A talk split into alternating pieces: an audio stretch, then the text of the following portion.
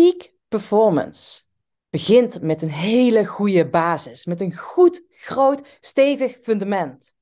En waar begint dat fundament nu mee?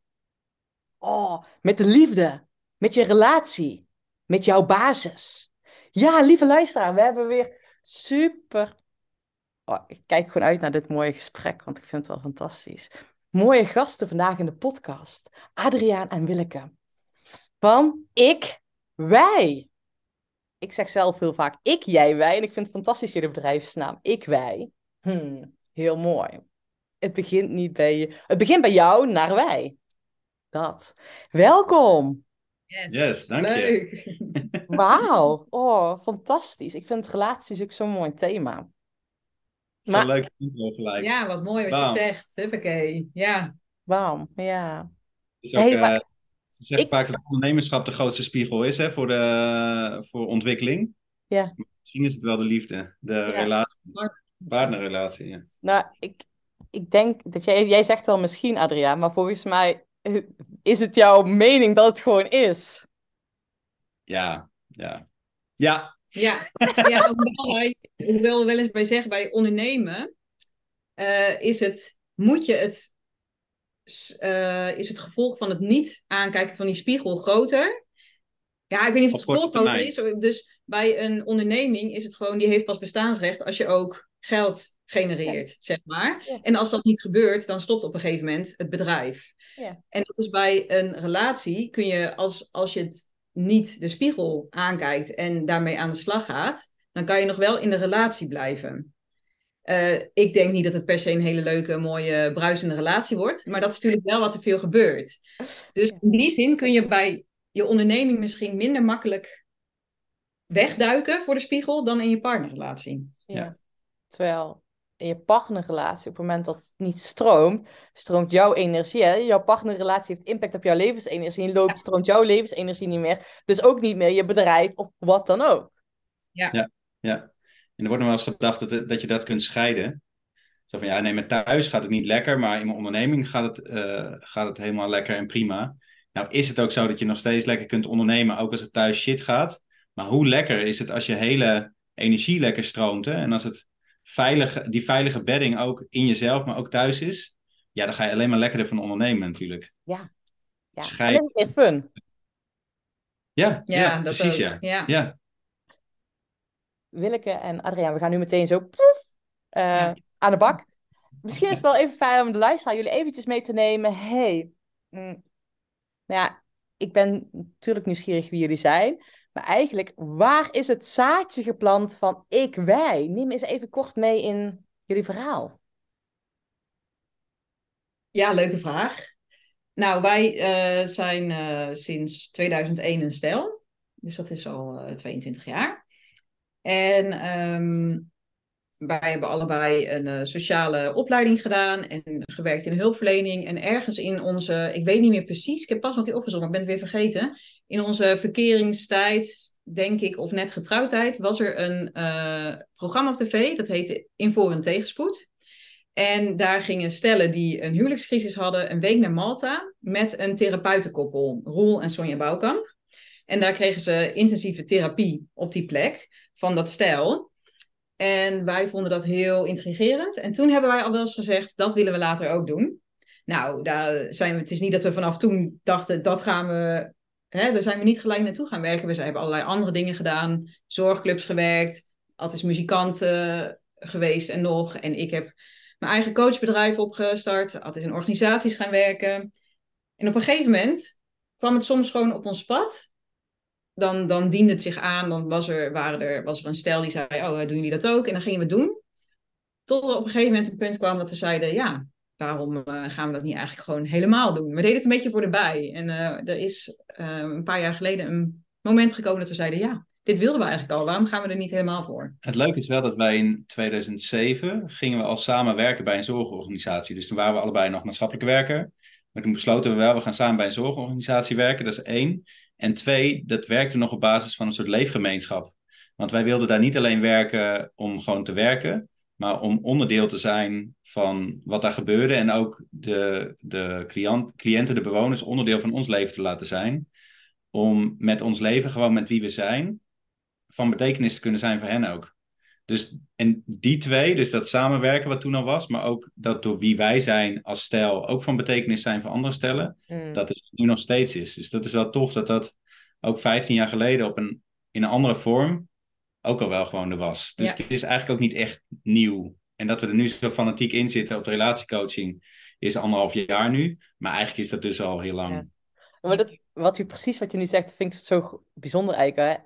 Dat is heel vaak zo dat je jouw kernwaardes, eh die zijpelen al heel vaak zo lang door in je leven en die vallen op een gegeven moment zo op elkaar. Ja. Maar- zo zei ik dus vroeger dat ik altijd boerin wilde worden. Oh, wat grappig. En ik ben natuurlijk nu niet, of ja, ik zeg natuurlijk eh, geen boerin. Maar als je ziet, zeg maar, waarom ik boerin wilde worden, dat doe ik, zie je nu ook terug. En dat is bij jullie eigenlijk ook gewoon hetzelfde van eh, die waarden in het leven. En uiteindelijk gaan die steeds meer samenvallen. Ja. Ja. En welk, welke reis hebben jullie dan samen als koppel mee door, zelf door mogen maken? Ja, we waren dus hartstikke jong toen we verkering kregen, 16 en Jong. 18. 16. Ja, ja.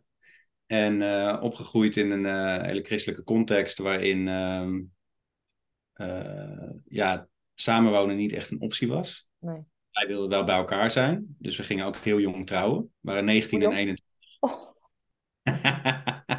1921. Inmiddels zijn we 38 en 40, dus we zijn eh, een, een eindje onderweg. Ehm, maar dat, dat, al, al dat we jong gingen trouwen, terwijl we eigenlijk geen cent hadden, maar we wilden gewoon bij elkaar zijn. eh, laat dus enerzijds iets zien hoe we gewoon meegingen in het systeem toen, maar ook wel echt ons eigen ding deden. Al onze vrienden die wel verkering hadden, die trouwden jaren later. Ja, die wachten eerst tot ze al klaar met studeren. En dat was een beetje de. En dan kon je een huis kopen. Dat was een beetje toen de norm binnen onze context. Dat deden we toen al echt anders. En ook dat werken bij die organisatie. Dus er zijn zo eigenlijk in de loop van onze relatie altijd wel keuzes geweest. Die we anders deden dan wat de meeste mensen deden. En ik denk wat soms een nadeel kan zijn als je zo jong bij elkaar bent, is dat je, je gaat nog zoveel ontwikkelen en veranderen en weet ik veel wat. En dat kan natuurlijk zorgen dat je heel erg uit elkaar gaat. En op een of andere manier is het ons gelukt om dat heel erg hand in hand te doen. Dus we hebben elkaar eigenlijk altijd meegenomen in de ontwikkeling die we gemaakt hebben. En dat maakt dat het voor ons een hele fijne reis is tot nu toe. En ook waarom we denk ik nu eh, dat heel belangrijk vinden dat mensen, als je zo persoonlijk ontwikkelt, in een coachtraject, in je onderneming, in wat dan ook, zorg dat je je partner erbij betrekt en dat je het samen doet, zodat je niet ineens dan uit elkaar gegroeid bent. Ja. En ik denk dat wat, daar zijn we later pas eigenlijk woorden voor gaan vinden, maar dat heel veel stellen werken heel goed op polariteit. Hè? Dus de een is vooral avontuurlijk en de ander is van stabiliteit, weet je, want dat trekt elkaar aan. Want de avontuurlijke die voelt wel van, oh, iets van stabiliteit is ook wel fijn, dus gelukkig bij jou vind ik dat. Ja. En die stabiele die denkt, ja, het mag ook wel een keer een beetje reuring in. Dus die denkt, hé, hey, dat avontuur vind ik bij jou en dan, dat klikt zo lekker in elkaar. En, en ergens zit die bij ons ook. En die die heeft dus ook altijd wel heel prettig gewerkt. Dus dat ik van de ideeën ben en gaan en, en daadkracht en avontuur. Maar dat ik wel altijd mijn rust bij Wil weer vind. Ja. En dat heeft altijd gewoon lekker gewerkt. Dus dan kwam ik weer met een soort idee. En dan, zij raakte niet van de wap ervan, weet je wel. En bleef gewoon rustig, waardoor ik me even kon eh, landen. Maar dan gingen we volgens wel een wijze nieuwe stap maken, weet je wel. En zonder de rust van Wil was die stap er niet gekomen. Zonder de daadkracht van mij was die niet gekomen. Dus die polariteit hebben elkaar gewoon altijd wel goed. Ja, onze verschillen, die ze hebben gewoon eh, altijd, zijn heel complementair aan elkaar. Ja. Ja. Ja. En die herken ik ook wel in mijn relatie. Dat het bij ons hè, ook. eh, ik ben meer de. En mijn vriend is meer rustiger. En dat vind ik ook wel fantastisch om dat te merken. Al moet ik wel zeggen, gisteren ehm, eh, sprak ik een vriendin van mij. En die werd dus juist op de proef gesteld. Omdat haar partner gewoon echt niet lekker zit. Ja, noem het een burn-out. eh, gewoon echt. En zij zit ook enorme polariteiten. Maar hij gaat zo niet lekker dat hun verschillen nog groter worden. En dan vraagt van haar veel meer rust en zijn om hem te blijven zien. Dat is echt Ja. wel... Ja, en dit is iets wat we heel vaak zien. Is het dus eh, als het je lukt om de polariteit en de verschillen te zien als een kracht. En als een onderdeel. Want het is natuurlijk zo dat. eh, dus ik ben meer van de stabiliteit. Maar ik heb ook het avontuurlijke in me. Alleen ik zit veel meer aan de andere kant. En andersom. Maar op een gegeven moment, als je te veel krijg voor je gevoel, een portie te veel avontuur bijvoorbeeld, dan drukt het mij nog meer naar mijn veilige, stabiele van ho, ho, ho, ho. Waardoor hij nog meer naar die andere kant kan gaan van, ja, hallo, eh, gaan we nog een keer wat doen, weet je wel? Dus dan drukt het elkaar juist verder. Ja. Dan is het echt de uitdaging om, om inderdaad elkaar te blijven zien. En dit is inderdaad wat, wat Esther Perel noemt splitting the ambivalence. Dus dat je heel vaak maak je één van de twee eigenaar van één van de kanten. Terwijl je hebt het allebei in je. En als je daar naartoe kunt gaan en daar contact mee kunt maken, kun je ook makkelijker contact weer met je partner maken. Ja. Maar dat is wel echt een uitdaging, ja. Ja, en de grap is dus dat je dan stellen hebt die dan zeggen tegen ons bijvoorbeeld, ja, we zijn te verschillend. Ik zeg, nee, dat is dus niet zo, want die verschillen waren juist jullie kracht, waarom het zo goed paste. Maar het lukt je niet meer, zeg maar, om, om bij elkaar te komen. En daarmee ga je nog steeds verder uit elkaar. En dan lijkt het alsof je te verschillend bent. En die, die houding, het is haast nog meer een innerlijke houding van... Oh ja, die kant is er ook. Oh ja, die kant voel ik ook wel. Ja. Oh ja, ik hou ook eigenlijk wel heel erg van het avontuur, maar ik vind het ook wel fijn om een beetje rust te vinden. Als je dat in jezelf allemaal kunt mobiliseren als verschillende kanten, dan is het ook veel minder ingewikkeld om te zien dat een ander dan net iets meer waarde hecht aan dat andere stukje, weet je wel. Want in die ander zit ook die wens aan het avontuur, weet je wel. Ja. Dus, Heel mooi. En ik vind het ook wel mooi. Ja, want uiteindelijk, als het soepel je leven zo. Daar hou ik niet van. Maar als je leven kabbelt. en dan, dan kabbelt dat mee. Maar als er ineens gewoon iets. ik weet dat Bons even eh, spannend was met het kopen van ons huis. eh, en dat was gaan, we gaan ervoor. Maar even onrust van, oh, er moet wel heel veel gebeuren. Dat mijn vriend geen overzicht meer had. Ehm, weet je, maar als het zo spannend wordt, Ja. Dan gaat het om, hé, hoe blijf je elkaar vinden? Precies. ja, en dan Ja. juist in de spanning, hè. Ja. Dus, Ja. dus ook vaak zorg dat je voldoende rustmomenten hebt voor jezelf en samen. Om niet in het moment van spanning, zeg maar, dingen gaan, te gaan oplossen. Want dat is vaak gewoon heel ingewikkeld. Want dan zit je toch snel in overleven, in vechten of eh, Dat je echt in vluchten. de emotie zit, hè? Ja. Ja. En als je dan zorgt voor die rustmomenten voor jezelf, om, om gewoon even te landen van, hé, hey, wat gebeurt er nu in mij? Wat heb ik nodig? Even weer te gronden. En als je ook rustmomenten hebt om samen, om weer even die, al die eh, polariteit, die ambivalenties weer even te zien samen. En te zien, oh ja, dit is eigenlijk wat er gebeurt. Dan kom je er wel uit. Maar het nadeel is een beetje dat mensen in de overleefstand gaan dan zomaar dingen niet lekker lopen.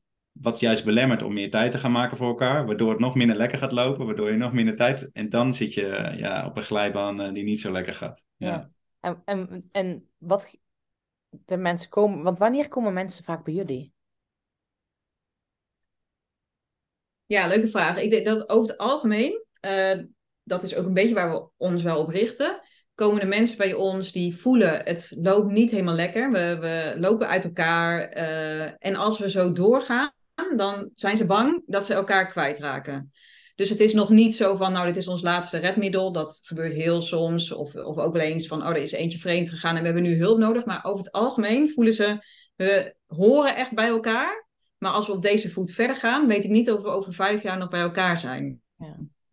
En het zijn ook wel stellen eigenlijk altijd die al wat langer bij elkaar zijn. Ehm, kids hebben ook, dus ook echt wel iets hebben om voor te strijden. Ze, Ja. ze delen een leven samen. Ja. Ze delen kinderen samen. En ehm, dat is dan, dat is wel prettig om mee te werken, omdat die mensen voelen van, eh, ja, maar ik heb hier echt iets om voor te strijden. Ik wil hiervoor gaan, ik wil dit niet zomaar kwijt. Ja, Ja, en het is ook gewoon zo waardevol om gewoon echt een fijne relatie te hebben. ja toch? Zeker. Ja. ja. Ja, dat is echt.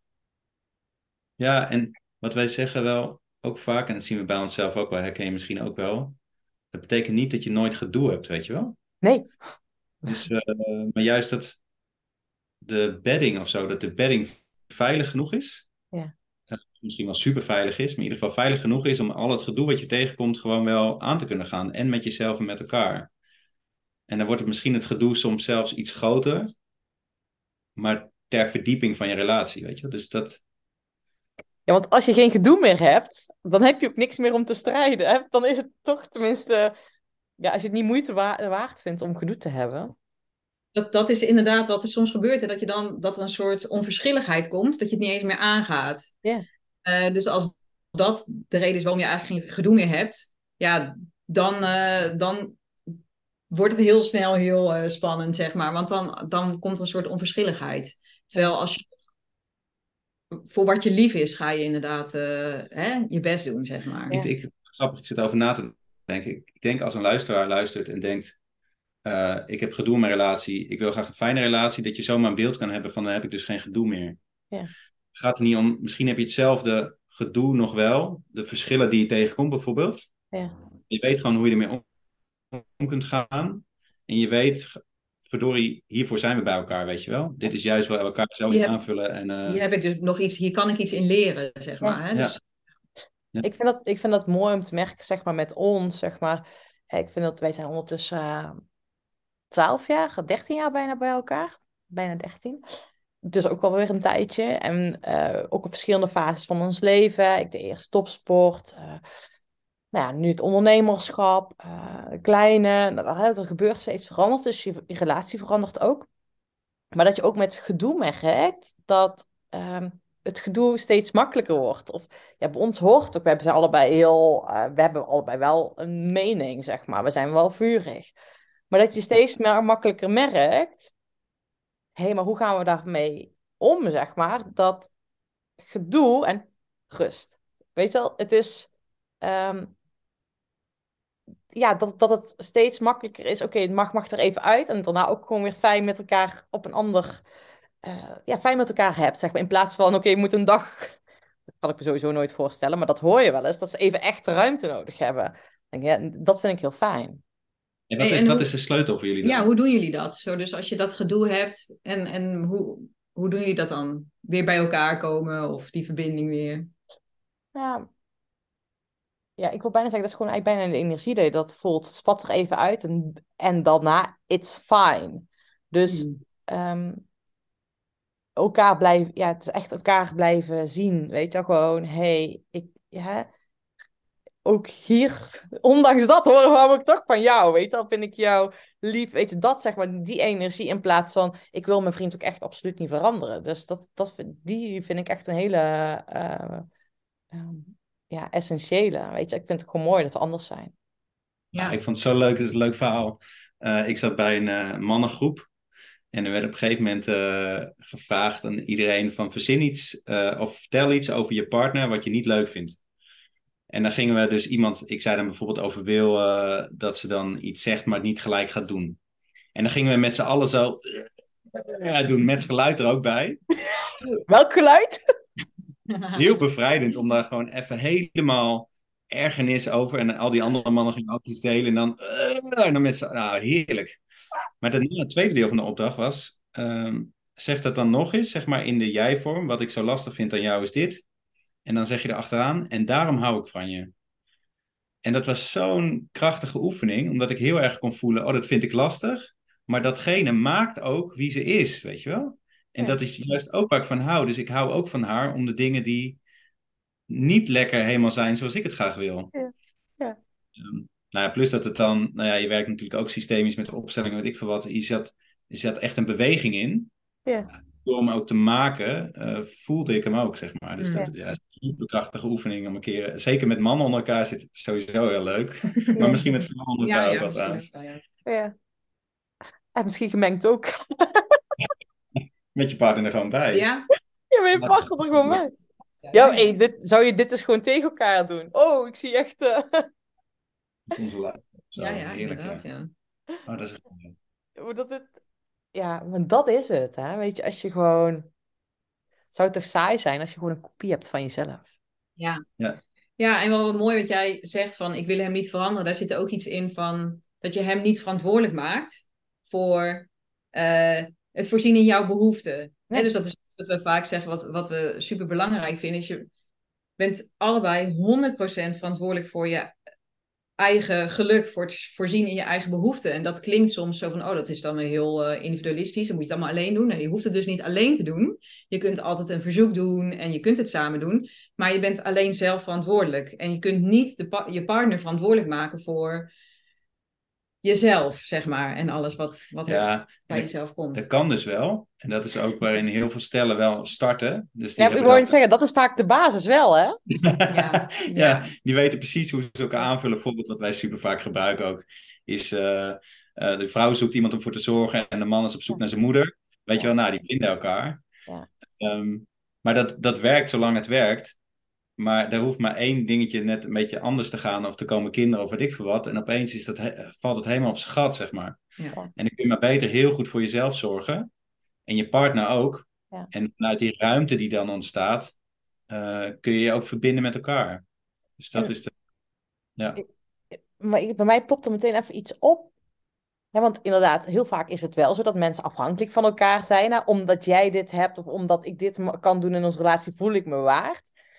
Maar de vraag daarvoor is eigenlijk, wat er bij mij oppopt. Wat zien jullie wat de opvoeding doet? Wat het voorbeeld eigenlijk letterlijk van de ouders eh, die kinderen hebben gekregen, of eh, jullie klanten hebben gekregen. Wat voor impact heeft dat op hoe zij een relatie ingaan? ja, super groot, hè? Dus het is, eh, je kunt hier natuurlijk heel erg gewoon bovenstroom, onderstroom onderscheiden. Dus, en onderstroom gaat ook nog wel weer verder dan alleen maar het gezin waar je uitkomt. En hoe je moeder met jou omging als kind, zeg maar. Dus wat heel begrijpelijk is, is bijvoorbeeld als, eh, als je bevestiging kreeg van je moeder omdat je alles, van alles deed in huis. Is dat iets wat je je eigen hebt gemaakt, zo van, om er dus bij te horen, om eh, waardig te zijn, om iemand te zijn, moet ik dus zorgen voor anderen. Dat is mijn bestaansrecht. En dan ga je dat zomaar later in je relatie ook doen, voor je eigen kinderen ook doen, om daar maar je erkenning uit te halen. Eh, maar goed, dat is, dat is deze heel begrijpelijk gewoon met je eigen moeder die je bevestiging geeft. Maar in die zin kun je natuurlijk op allerlei manieren ehm, iets gaan dragen voor een ander. Wat je zomaar meeneemt je relatie in ook. Ja, het, het voelt een beetje ver misschien om hele systemische allemaal perspectieven erbij te gaan halen. I feel you. maar het is voor de luisteraar inderdaad het, het, het- zeg maar een patroon waar je van als kind zijnde onbewust in bent getrokken, dat je die daardoor ook in je relatie wilt vervullen. Dat is eigenlijk wat je wil zeggen. Ja. Ja, ja. Of als je iets aan het dragen bent. Dus eh, wat ook vaak gebeurt is dat een moeder bijvoorbeeld iets aan het dragen is voor haar moeder. Ja. Eh, en dat, dat ik als kind het daardoor voor mijn moeder ben gaan dragen, omdat mijn moeder dat van haar niet kon dragen. En ik dacht, oh, het gaat niet goed met mijn moeder. Ja, volledig onbewust, hè. En ben ik het voor haar gaan dragen om mijn moeder maar te helpen. Ja. Waardoor ik voortdurend, zeg maar, eh, eh, voor, voor een deel afwezig ben in de relatie, omdat ik aan het dragen ben voor mijn moeder. Ja. Ehm, ja, dat soort dynamieken. eh, ze zeggen ook wel in systemisch werk van de mate waarin je kunt verbinden met je moeder, kun je je ook verbinden met, met een ander. Waarbij ik het altijd belangrijk vind om te noemen, dit gaat dus ook echt over de onderstroom. Ja. Het kan ook betekenen dat je in de bovenstroom gewoon een moeizame relatie met je moeder hebt. Maar als je innerlijke houding Ja, ehm, wel goed is, dus dat je je ouders of je moeder helemaal neemt voor wie ze is, en dat is ja zeggen tegen al het mooie, het minder mooie en alles wat je graag had gewild, maar niet hebt gekregen. Eh, dat, dat is dan de onderstroom. Dus dat betekent mensen die verwarren dat soms. Hè? Van ja, maar het Ja. blijft nog steeds lastig. Of oh, nu sprak ik er en er gebeurde er toch weer dit. Ja.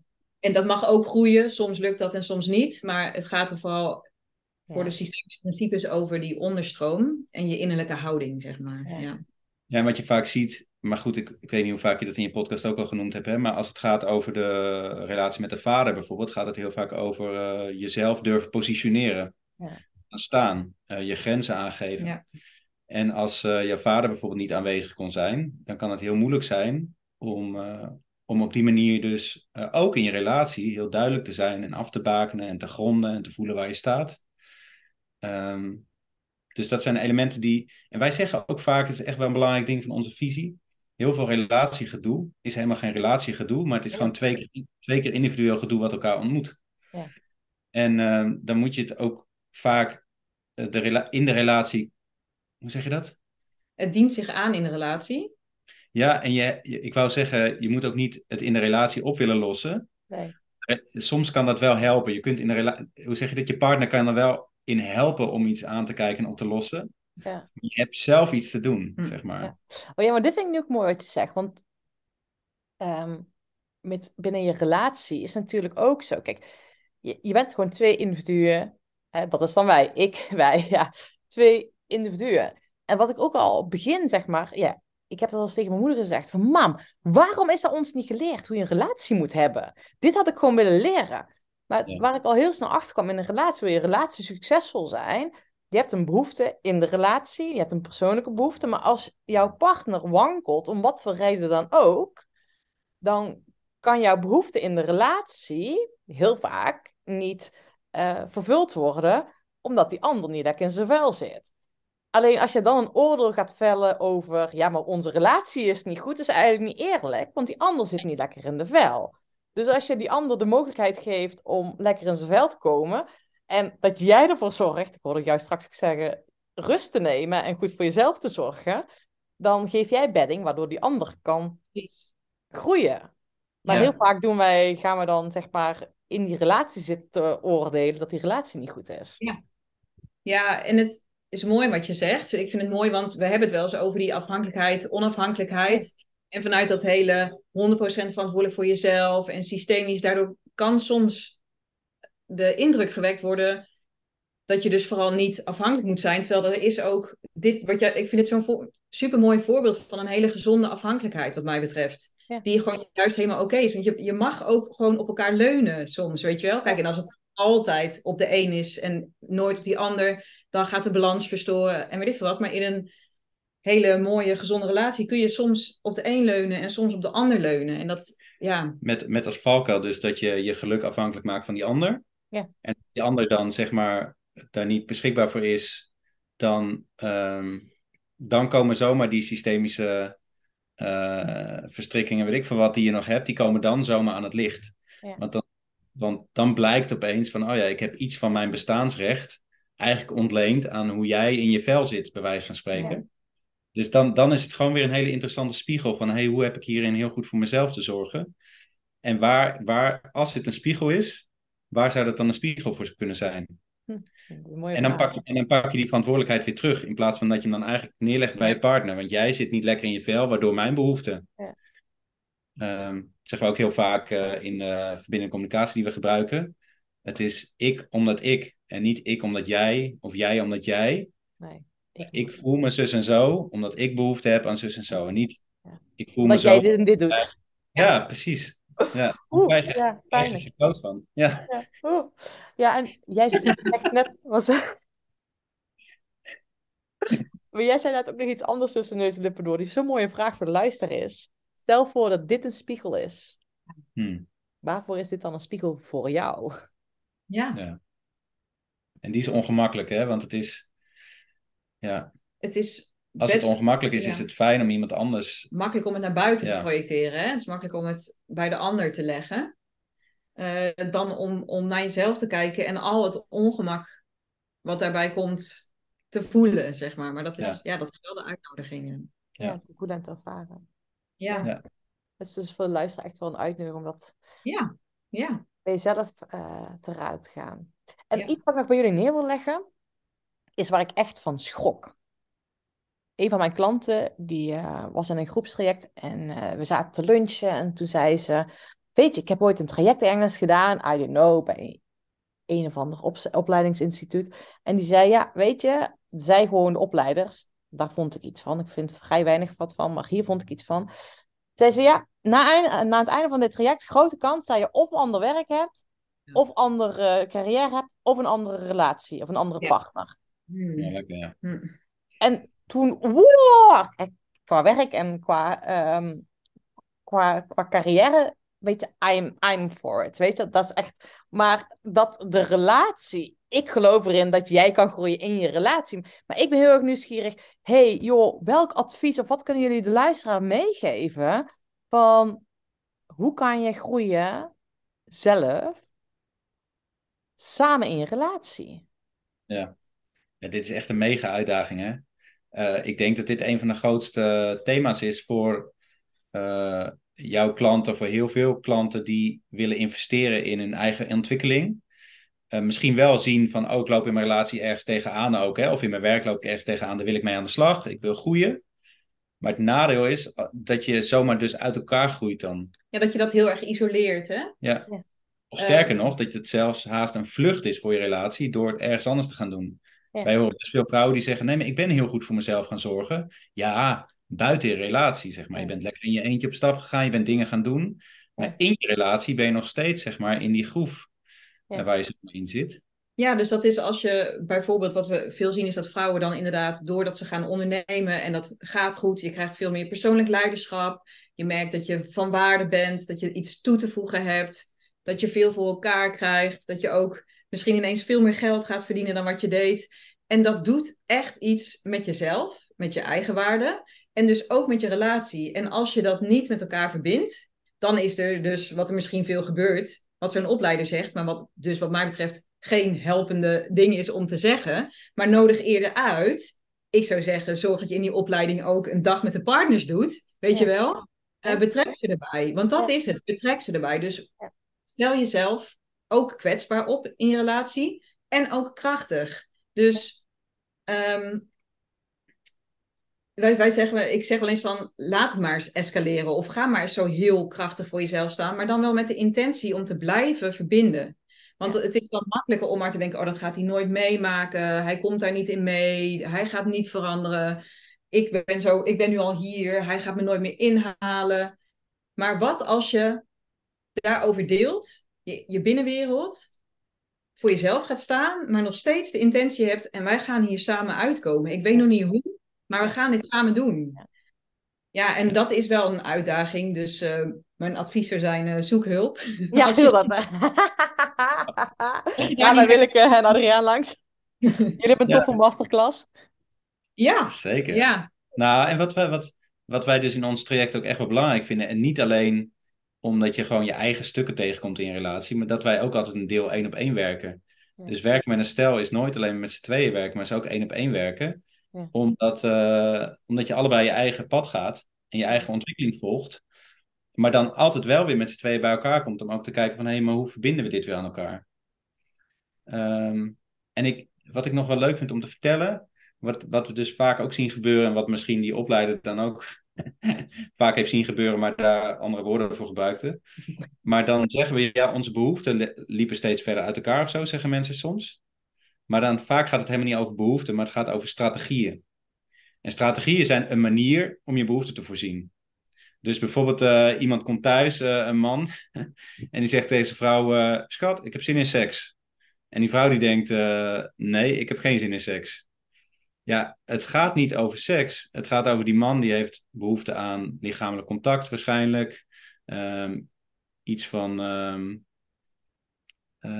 ontspanning misschien ook. Nou, misschien ook intimiteit, verbinding. Ja. Maar die vrouw die heeft juist geen zin in uh, de actie, maar die wil wel bijvoorbeeld uh, zich verbonden voelen. Die wil iets van intimiteit ook wel. En, ja, dus als je dan op die laag gaat praten, dan zou je in de, in de eerste ring zou je zeggen, oh, de een heeft wel zin in seks, de ander niet. Oh, dat matcht niet. Ja. Maar als je dan verder gaat kijken, dan, ja, wij gebruiken het voorbeeld ook wel eens, stel dat het eindigt in een massage, zonder penetratie bijvoorbeeld. Ja. En die man is helemaal blij, want die kan gewoon een beetje sensueel, lichamelijk uh, bezig zijn met zijn vrouw. Die vrouw heeft wel aandacht en intimiteit, zonder dat het gelijk actie in de taxi van die man moet zijn. Ja. Uh, en zo uh, is het heel helpend om, om te realiseren van meestal als het botst, dan botst het niet op behoeften, maar dan botst het nog veel meer op hoe je bedacht hebt dat het er dan uit zou moeten zien. Ja. Ja, en dit is een grappig voorbeeld wat jij gebruikt. In het voorbeeld wat je gebruikt, hoor je al eigenlijk de overlap aan behoeften. Dus het zou kunnen zijn dat die man behoefte heeft ook aan verbinding en intimiteit. En die vrouw ook. Alleen hebben ze allebei een andere strategie bedacht om te voorzien in die behoeften. En het mooie is, er zijn duizend en één manieren, strategieën om te voorzien in behoeften. Dus als je op de laag van de behoefte komt, dan kom je eigenlijk ook vaak wel uit op, oké, en hoe kunnen we dat dan doen, samen, op een manier die voor ons allebei werkt. Dus, dus eigenlijk in plaats van dat je in de actie het gedrag overgaat van ik heb zin in seks of ik heb zin in uh, een goed gesprek. Nee, wat is je behoefte? Oké, samen zijn of behoefte om uh, te verbinden of behoefte, oké, okay, hé, hey, maar waar hebben we allebei dan zin in? Ja. ja. Ja, en dan de kunst om het af te pellen. Want de grap is ook wel bijvoorbeeld met samen. Samen is ook zo'n ding. Uh, wij hebben allebei behoefte aan samen. Maar voor Wil betekent dat dat we mobiels weg. Met aandacht. Met aandacht. Voor mij is dat dat hij aandacht heeft voor mij en ik voor hem. Dat is samen. Voor mij is samen ook als ik gewoon in huis aan het rommelen ben en wil ik is aan de andere kant van het huis aan het rommelen, maar ik hoor wel dat ze er is. Dus dan kunnen we heel hard roepen, nee, ik heb behoefte aan samen. Nee, ik heb behoefte aan samen. Nee, dan zeg ik, ik heb behoefte aan samen. En dan zeg je, hè, we zijn al twee dagen de hele dag thuis samen geweest. Weet je wel? Ja. Ja. dus het zou, het, ik denk dat het best een aardige stelregel is. Dus dat als je er nog niet uitkomt samen, dat je dan gewoon nog niet op de, op de kern uit bent. Nee. Nee. Gewoon nog niet, dan zit je nog te veel in strategieën te denken in plaats van welke behoeften zitten er nou Behoefte. achter. Dat vind, ik, dat vind ik wel echt heel eh, praktisch, wist je dat? Want ik herken het ook wel. Ik heb behoefte aan samen. Ja, maar we zijn toch net samen geweest? Ja, dus Ja, ja. Ja, die herken ik. Ja. Dat dat het zo bij ons ook zou gaan. Ja, maar we zijn toch samen? Ja, maar ik wil gewoon samen zijn. In plaats van samen klusjes doen. Maar zo'n verschil kan het zijn. Ja, ja. Ja, dus dat je echt mag vragen, hey, welke behoefte heb je in plaats van ehm, welk gedrag? Want dat is inderdaad, je zit heel vaak op die actie, maar het mag veel meer in het...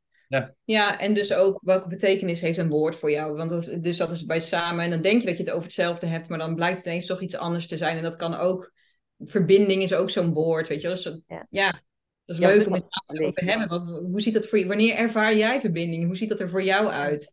Ja. Ja. Oh, wauw man. Echt, hier raak je echt nooit over uitgepraat. Wij ook niet. Nee. En het, en het mooie is, dit is ook gewoon dynamisch, hè? Want ieder levensfase is weer anders. En hè, bij jullie zitten de kids een beetje in de puberteit en hier eh, is net een newborn. Ja, dat is natuurlijk ook weer een hele andere fase. Wat ook weer iets anders vraagt van je relatie en ja, eh, Ja. je behoeftes. Ja, zeker. Terwijl de, de grap ook wel weer is, maar dan komen we ook weer bij het hele systemisch werken uit natuurlijk. Er is alleen maar nu. Er is Ja. echt alleen maar nu. Ja. Dus eh, het hele nadenken over eh, toen of daar of wat nog komt, weet je wel, dat Nee. is, het vooral van je vraagt is, waar ben ik nu? Ja. Ben ik gegrond?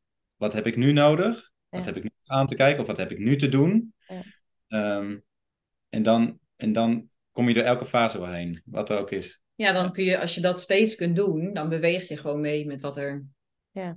zich aandient. Ja. En zijn jullie ervan overtuigd dat je dus dan altijd bij elkaar blijft? Of kan het zijn dat er een moment nu is dat het beter is om nu liefdevol een andere beweging te maken?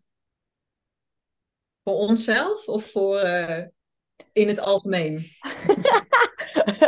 Eh, Ja. Ik wat nou?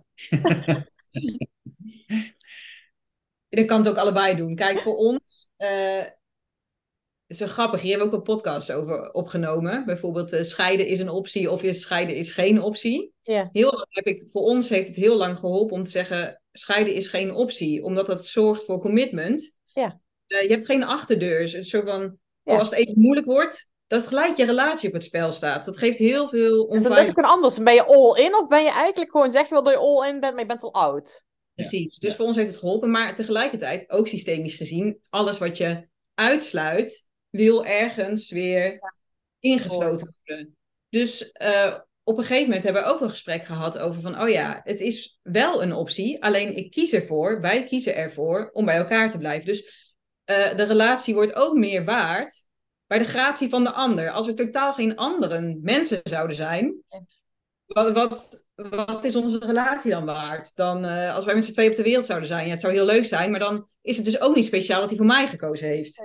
Dus het, en dat is een beetje aan welke kant zit je zelf? Van, Ja.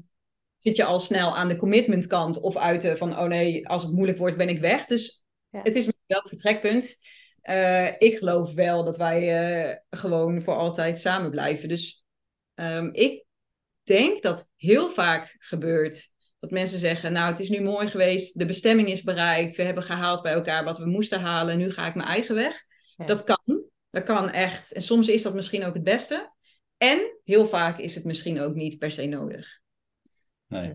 Dat is een beetje een, eh, ja ik weet niet of dat een, Ik heb daar pas een LinkedIn-post gelezen. Misschien kennen jullie haar. Weet ik, ik weet niet wie, het- wie ze was. Maar ze had het erover van... Ja, ik ben nu twee keer gescheiden. En ik had de eerste keer gewoon nooit moeten scheiden. Want bij de tweede keer scheiding ben ik in precies hetzelfde... kwam ik me tegen en ben ik erachter gekomen dat het een stuk van mezelf was dat ik moest helen. Wat, Ja. wat in de volgende relatie precies weer ehm, tegenaan liep. Ja, Nou, en dat is, dat is een, eh, hoe zeg je dat? Een crisis in je relatie is echt een uitnodiging om naar binnen te keren en te kijken van, hé, hey, wat, wat raakt dit in mij? En ehm, is, is eh, ermee eindigen, zeg maar, is dat dan echt een oplossing? Ja. Of kom ik hem later dan gewoon weer tegen? Ja. Soms kan het zo, eh, kan een stijl zo ver van elkaar weggedreven zijn, dat het misschien ehm, Ja, of als er te veel beschadigd is of zo, hè? Alleen dan nog zou ik zeggen, als je dan uit elkaar gaat, hoe kun je in verbinding uit elkaar gaan? Ja, ja. Dat moet, hè? Of ja, trouwens, dat moet. Ik zeg niks dat moet, maar... Fijn. Dat ja. is wel een groot geschenk voor jezelf en voor iedereen. eh, En als voor je kinderen. zeker, ja. Oh, ja. Eh, en hoe kun je dan daarna alsnog wel onderzoeken van, hé, maar wat was dit van mij, zeg maar? En hoe kan ik Ja. voorkomen dat dat zich in volgende, genera volgende relatie, ook volgende generatie, maar zeker een volgende relatie, die zich weer aandient? Waarbij de statistieken, die zeggen gewoon, het, eh, er zijn, hoe zeg je dat? Eerste relaties gaat x percentage uit elkaar. Dat percentage is bij tweede relaties groter, bij derde nog groter, bij vierde nog groter. Dus hoe verder je, hoe vaker je uit elkaar gaat, hoe makkelijker je ook uit elkaar gaat. Ja. Dat is En eh, is ook uit onderzoek gebleken dat, eh, ik weet ook het percentage niet meer precies, de maar ja, ik dacht ongeveer de helft eh, heeft later spijt van. Precies Ja. wat jij nu zegt. Ja. Eh, omdat ze ja, zichzelf op de volgende plek net zo hard tegenkomen. Ja. Ja, dat is iets bij met zichzelf aan de slag mogen. Ja. Ja. ja. En Ehm, zeker als je ook al, dat is ook wel mooi, als je al echt een leven hebt opgebouwd, dan is dat ook veel waard. Ja. Eh, dan kun je wel op zoek zijn naar nog steeds die verliefde sparkle. En daar wil ik ook, hè, daar, daar geloven wij ook in en daar staan we voor, dat kan ook. En soms kan dat ook heel veel eenzijdig belangrijk gemaakt Ja. worden. Als je ook al zoveel andere dingen samen Ja. hebt. ja, waardoor je bijna blind staart daarop. Ja, Maar dat het niet meer dat het moet en geforceerd gaat. Ja. Precies, want al dat wat je al hebt, heb- ben je misschien inmiddels wel behoorlijk voor lief gaan nemen. Terwijl dat is ook heel veel waard. En daar Ja. kom je dan later misschien ook achter, als je daaruit bent gegaan, dat je dan Ja. dat mist. Ja. Ja. Ja. plus natuurlijk, hoe zeg je dat? Verliefd worden op iemand anders, zonder dat je samen een huis hebt, zonder dat je samen kinderen hebt, zonder dat je samen een rekening hebt, zonder dat je weet ik veel. Zonder alle rompslomp. Ja, tu- tuurlijk is dat heerlijk en leuk en licht en weet ik veel wat. Ja. dat is Op een fantastisch. gegeven moment ga je met die persoon, als je daarmee verder zou gaan, ga je ook ergens wonen en ga je Ja. ook samen, weet je, en, en Ga je ook je gedoe krijgen. Je mocht Ja. er ook weer gedoe, wordt het ook serieus. Ja, dat is onvermijdelijk dat, Ja. dat je op een gegeven moment Ja. gewoon andere dingen zich aan gaan dienen. Ja. Ja. Bijzonder is dat. Hè? Hey, lieve Adriana Wilke, ik moet zo meteen, of moet, nee, ik mag zo meteen mijn afspraak met mijn partner eh, na gaan komen, dat gaat plaatsvinden. dat Dan hoor gaan ik we ook, hè? Ja. Hey, wat mogen we, wat, want ik vind het altijd fantastisch om eigenlijk de luisteraar te prikkelen met iets hey, praktisch, waar ze zeggen van, oké, dit is misschien wel iets waarmee ze nu aan de slag kunnen gaan. Ik weet wel iets, maar allebei eentje. En doe jij maar eerst, kan ik nog even nadenken. Kijk, wat heel, nou, wat heel leuk is, is, eh, en wij noemen hem ook in onze masterclass, misschien kunnen we dat nog zo nog even noemen. Ja, dat gaan we zeker noemen. Wat ehm, stellen die elkaar 20 jaar kennen, kennen elkaar minder goed dan stellen die elkaar twee jaar kennen. Hmm. Dat is fascinerend, hè? Dus eh, hoe ouder je wordt, hoe, meer je veronder... hoe langer je samen bent, bedoel ik, hoe meer je veronderstelt te weten en te snappen. En mijn uitnodiging voor de luisteraar is, is om vandaag bij zijn of haar partner iets wat hij heel vanzelfsprekend denkt dat het is. Dus bijvoorbeeld je partner kookt altijd en je denkt dat hij of zij dat leuk vindt en dat dit of dat haar favoriete gerecht is. Om dat gewoon eens even te checken. Om gewoon eens een nieuwsgierige vraag te stellen van, oh ja, je doet het eigenlijk altijd. Betekent het ook dat je het heel erg leuk vindt? Of zou je het ook wel leuk vinden als ik het een keer doe of zo? En dan even een thema waarvan je niet al weet wat het antwoord gaat zijn, maar veronderstelt het te weten, maar denkt van, ja, maar eigenlijk heb ik dat nog nooit gevraagd. Dus stel eens een nieuwsgierige vraag over iets wat heel vanzelfsprekend lijkt. Hmm. Hmm, mooi. Zet mij ook aan. En ik dacht aan die, eh, voor mij is een van de belangrijkste momenten geweest dat ik me ten volle realiseerde dat ik 100% verantwoordelijk ben voor mezelf en het voorzien in mijn behoeften. Dus ik dacht, ga eens bij jezelf na. Wat is zo'n situatie of zo'n moment dat je toch denkt, ja, maar dat hoort toch. Dat hoort toch in een partnerrelatie dat die ander ook dit doet. Of dat hij dat toch snapt. Of weet. Wat is zo'n moment waarvan je want in theorie weet je het misschien wel. Oh ja, maar hij is niet verantwoordelijk. Maar heel vaak zijn het toch van die verwachtingen, heel vaak ook onuitgesproken, die dan zorgen voor teleurstelling of irritatie. Dus wat is zo'n moment waarvan jij denkt, oh ja, dat verwacht ik eigenlijk stiekem toch van die ander. En ga dan eens even checken bij jezelf van, hey, nou ja. Ik moet hier al meteen over lachen, want dan merk ik, Ja. ik trap ik mezelf op als ik dus iets minder eh, goed voor mezelf gezorgd, dan ga ik irriteren aan rommeltjes in huis. Oh ja. Ja. En dat ligt niet aan mijn vriend, dat ligt gewoon dat ik een opgeruimd huis heb en dat mijn vriend gewoon maar rommelt, maar dat, dat is niet aan hem, weet je wel. Ik wil een opgeruimd huis. Super mooi voorbeeld, ja, echt. En dan, weet je, nu weet ik gewoon, dan moet ik het gewoon zelf gaan opruimen. Uh, hè? Dan moet ik niet aan hem gaan zeggen, ja, jij moet het opruimen, want ik heb er last van. Nee, dan moet ik het gaan dat is een hele mooie. Ja, of je kunt als je, maar het mooie is als je weet van, oh ja, maar dit is echt mijn behoefte. Ja. Uh, je kunt natuurlijk altijd een verzoek doen, hè? Dus ja, als, ja.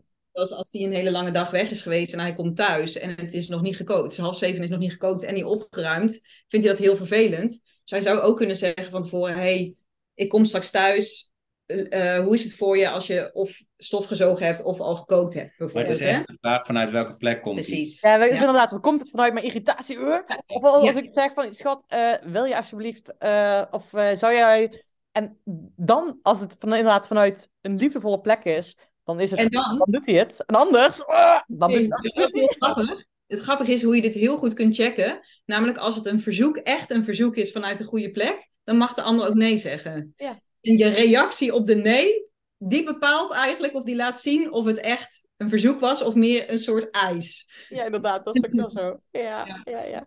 Hey, ik ga zo naar beneden, maar jullie hebben nog één ding. We hebben nog één ding. Iets ja. vets, die zag ik bij jullie voorbij komen op jullie Instagram. Sowieso, ja. volg Adriana Willeke, ikwij, Instagram. Adriana is flink aan het LinkedIn. Zeker. Ja. nou, wat we hebben is een uh, masterclass. Wij dachten, we hebben een podcast met uh, ook 60 plus afleveringen met uh, heel veel leuke thema's. Maar we dachten, laten we eens een masterclass doen waarin veel gebundeld zit. Van, en zeker gericht dan met de titel ook. En ze leefden nog lang en gelukkig. Hmm. Dus als je lang en gelukkig samen wil zijn, wat zijn dan de drie geheimen? of de drie pijlers eigenlijk die nodig zijn om lang en gelukkig samen te zijn. Dus we hebben een masterclass gemaakt. Kun je toegang toe kopen. En dan uh, ben je even onder de pannen. En dan kun je ook praktisch gelijk aan de slag met, uh, met ook nog een mooie lichaamsbewustzijn oefening. En uh, systemische, systemische oefening. Systemische oefening. Dus Ja. allemaal. Ja. Ja, super top. Ik zal hier de link in de omschrijving neerzetten. En ehm, mocht je ergens op een ander kanaal zitten, ik verwacht dat je gewoon naar jullie website gaat of naar jullie eh, link in bio bij eh, Instagram, dan eh, komen jullie er ook wel bij uit. Ja. En het toffe leuk. is, we gaan twee masterclasses weggeven. Hè? Ja, Ja. superleuk. Ja, Dus ehm, ik ga eventjes hier een, eh, of niet hier, maar wel, dat kan ik wel ook hieronder doen. Een- De post, zeg maar, die ik hieronder neerzet, als je daar een toffe reactie achterlaat. En eh, ook als je of een, ons tagt, zeg maar, dat vinden we hartstikke tof, dan krijg je deze masterclass terug. Dus ehm, ja, kijk, ik ga aan jullie doorgeven wie dat gaat zijn. Dat vind ik zo leuk. ja Leuk. leuk. Leuk. Oh, Tof. fantastisch. Nou, tof man. Dankjewel. Dankjewel. Superleuk dit. Ja, Thijs. jullie dankjewel. Echt. Ja. Dankjewel voor het mooie gesprek. En eh, we hebben weer een mooi fundament bij de luisteraar kunnen leggen. Hoe zij nog meer peak performance kunnen leveren. Hè? Want het begint bij het fundament. Ja, super. Yes. Mooi. Ik wij. Dankjewel. Graag gedaan. Jij ook bedankt.